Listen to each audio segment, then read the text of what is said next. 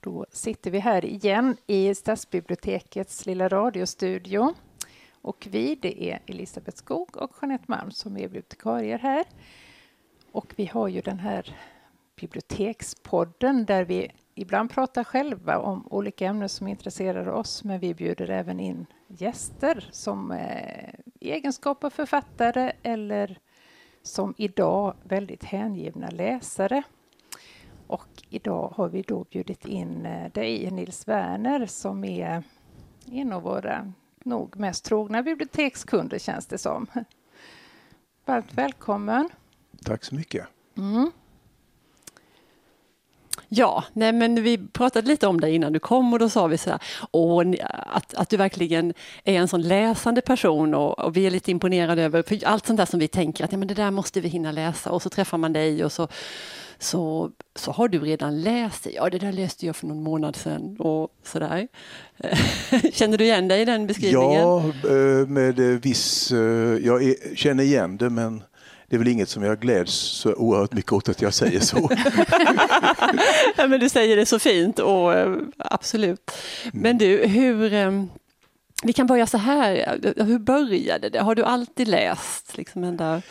Alltså, eh, jag är ju lite förberedd. Jag kan säga att jag växte upp i en familj där läsandet var en omistlig del av vardagslivet. Mm. Och det möttes, läsande möttes med respekt, mm. intresse, uppmuntrades. Och mina föräldrars sängkammare i den lilla trerummaren kallades inte för sängkammaren utan det kallades för läsrummet. och om man sa att någon person läser mm. så innebar det att man skulle ha respekt för den stunden. Mm. Uh, och det bottnar i att min farmor kommer från Helsingborg, ett litet småborgerligt hem. Men eh, hon fick, blev småskollärare, som det hette på den tiden i Landskrona. Men fick aldrig utöva yrket därför att hon träffade min farfar som mm. var folkskollärare. Men hon bar med sig en bildningstradition mm. som hade ena benet i nykterhetsrörelsen och andra benet i socialdemokratin. Mm. Eh, och eh, fast hon hade ansvar för hus, trädgård, fem barn och en krävande man och ekonomin mm. så kunde hon infoga bildningstörst och läsande i sitt eh, liv. Och de skaffade sig tillsammans eh, ett eh, ganska imponerande bibliotek faktiskt. Mm. Trots att de inte hade någon intellektuella förlagor i sina liv. Och det tror jag återspeglar sig sen i alla deras, hos alla deras barn mm. och inte minst min pappa. Mm. Som jag tror att läsningen var en tillflykt, en väldigt viktig del av hans liv och det fortplantade han till oss fyra syskon. Eh, så vi eh, sög in läsningen med modersmjölket så mm. alla lärde, vi lärde oss alla att läsa spontant utan mm. någon form av läs introduktion. Mm. Det liksom... Att det blev en sån självklar del? Ja, det var en sån självklar del av livet. Mm. Va? Och det fanns mm. alltid böcker. Uh, och uh, det, uh, det var både ett intresse och en respekt. Mm. Så jag är, nu kan jag i efterhand när jag reflekterar känna en väldigt tacksamhet över detta. Mm. Och då tänker jag också på hur det var att läsa som barn och det kan man säga att man hade en identifikationsgrad med det man läste som är helt annorlunda än man nu gör mm. som vuxen och äldre person. Mm. Det var en absorption, en identifikation. Du menar att det en, annan, en annan värld. Man befann sig bok, verkligen i en annan värld. Mm. Uh, och jag lärde mig nog att det var en uh, ganska viktig strategi i livet att ha läsningen. Fick du, Fick du ta de böckerna du kom över ja, eller du, du läste ja. allt? För jag kan känna så här idag att det finns otroligt mycket åldersanpassad, det finns mycket ungdomslitteratur som verkligen inte fanns när vi var mm. eh, unga. Mm. Utan då fick man läsa, börja tidigt om man var läsintresserad och, och läsa vuxenböcker. Ja, det var helt fritt. Du läste helt fritt? Ja. Mm. Eh, men min far uppmuntrade ju faktiskt och det fanns då också klassiker som mm. publicerades mer eller mindre bearbetat eller mer eller mindre obearbetat för barn. Mm. Så att jag ja, växte ju upp med de odödliga ungdomsböckerna och de är ju egentligen inte ungdomsböcker. Det är romaner mm. som på något sätt har fått fäste i ungdomslitteraturen. Vi hade mm. barnbiblioteket Saga som var en fantastisk liten bokserie där. Ja, Klassiker som Tusen och natt, uh, Gullivers resor, Onkel Toms stuga och allt det här det liksom bara flödade genom mitt liv. Skulle jag kalla det. Mm. Sen så ramlade jag in i Enid Blyton och Kitty-böcker och sånt där för att man läser ju bokstavligen allt. Ja. Uh, så att uh, det var väldigt allsidig kost. Mm. Uh, men du, nu är du pensionär, mm. eh, men du har ju haft ett aktivt yrkesliv ja. som eh, läkare. Du ja. har eh, haft politiska uppdrag. Mm. Jag antar att du inte haft lika mycket tid alltså. att läsa. Eller har du tagit dig den tiden? Ja, det har jag gjort. Mm. På bekostnad av mycket annat, det är möjligt. Mm. Men det har nog haft en sån viktig del av mitt liv så jag har nog egentligen aldrig kunnat avstå från det. Och man kan ju kalla det eskapism eller man kan kalla det att det är en värld som man alltid vill återvända till mm. därför att den ger så väldigt mycket. Mm. Men jag kan säga att jag alltid har läst. Ja. Du, hur har du gjort när du har orienterat dig i det som du har lust att läsa, det som du har liksom fått korn på? Sådär. Hur, är det slump eller har du varit målmedveten? Jag är som ett flugpapper och jag ja. vet inte vilka flugor som kommer flygande och sätter sig på det pappret. ja, spännande. Mm. Mm. Men det är klart, man har ju sina källor, va? Mm. recensioner i dagspressen. Mm. Jag läser gärna till exempel för att göra reklam. Mm. New Review of Books mm. har ju en hemsida som man faktiskt kan läsa ganska mycket och där finns ju enormt intressanta eh, introduktioner, inte minst i litteratur. Mm. Eh, så att det finns ju överallt ingångar. Mm. Men eh, som sagt var, det är flugor. Och jag är ett ganska klibbigt flugpapper. Läser du, det är en annan sån favoritfråga som jag har. Så läser du färdigt allting som du börjar på? Nej, eller? Nej. Eh, nästan allting. Jag brukar ha en test. Ja. 50 eh, sidors testen. Ja, det tror jag är, den är bra. etablerad med 50 sidor.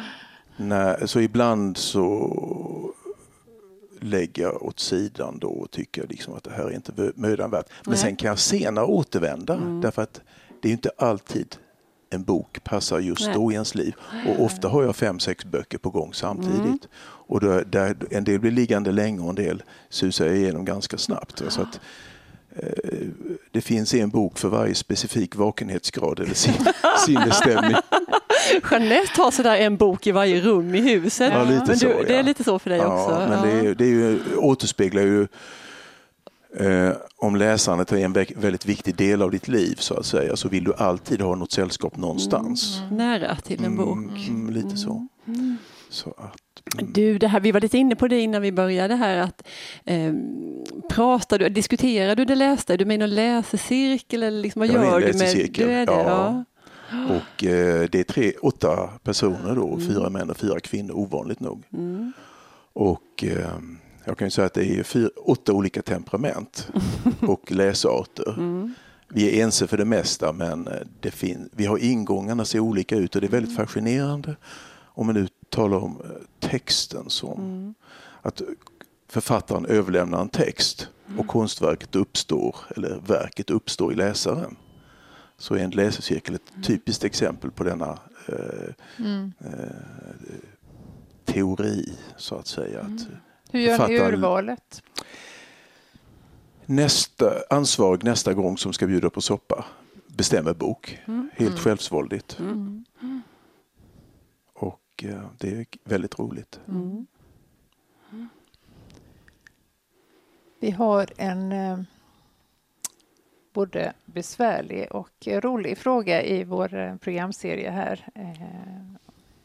Som är egentligen obesvarbar, men vi ställer den ändå. Vilken är den bästa boken du har läst?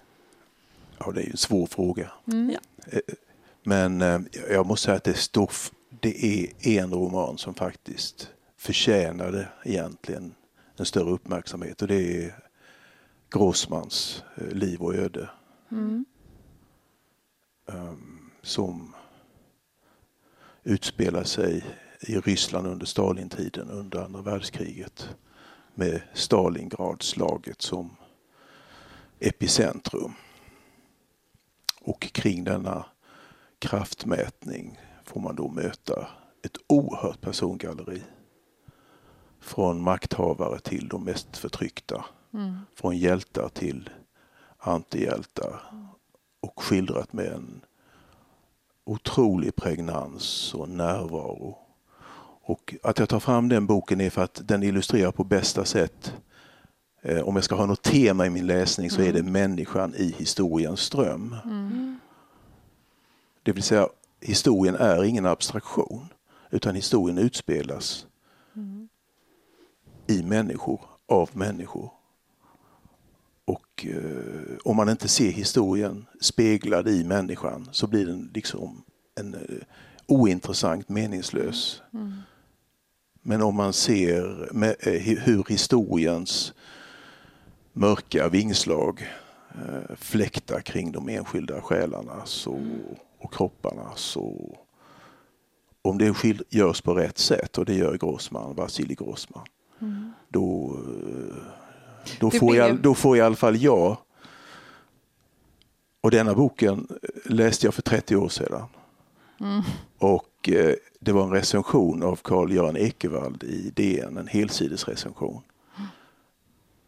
Som var av sådan art att jag gick omedelbart till mm. Mejels mm. och köpte boken och var väl fast under 800 sidor och kanske bara några dagar, jag vet inte. Men eh, jag vill bara säga att ge dig tid och läs den boken. Ja, men det är intressant att du säger det, för att jag har själv haft en sån, eh, det här med historien genom mm. den lilla mm. människan, mm. en sån upplevelse. Mm. För jag är inte så där oerhört intresserad av ämnet historia. Men eh, för något, några månader sedan så läste jag Falladas Ensam i Berlin och Hur ska det gå för Pinnebergs?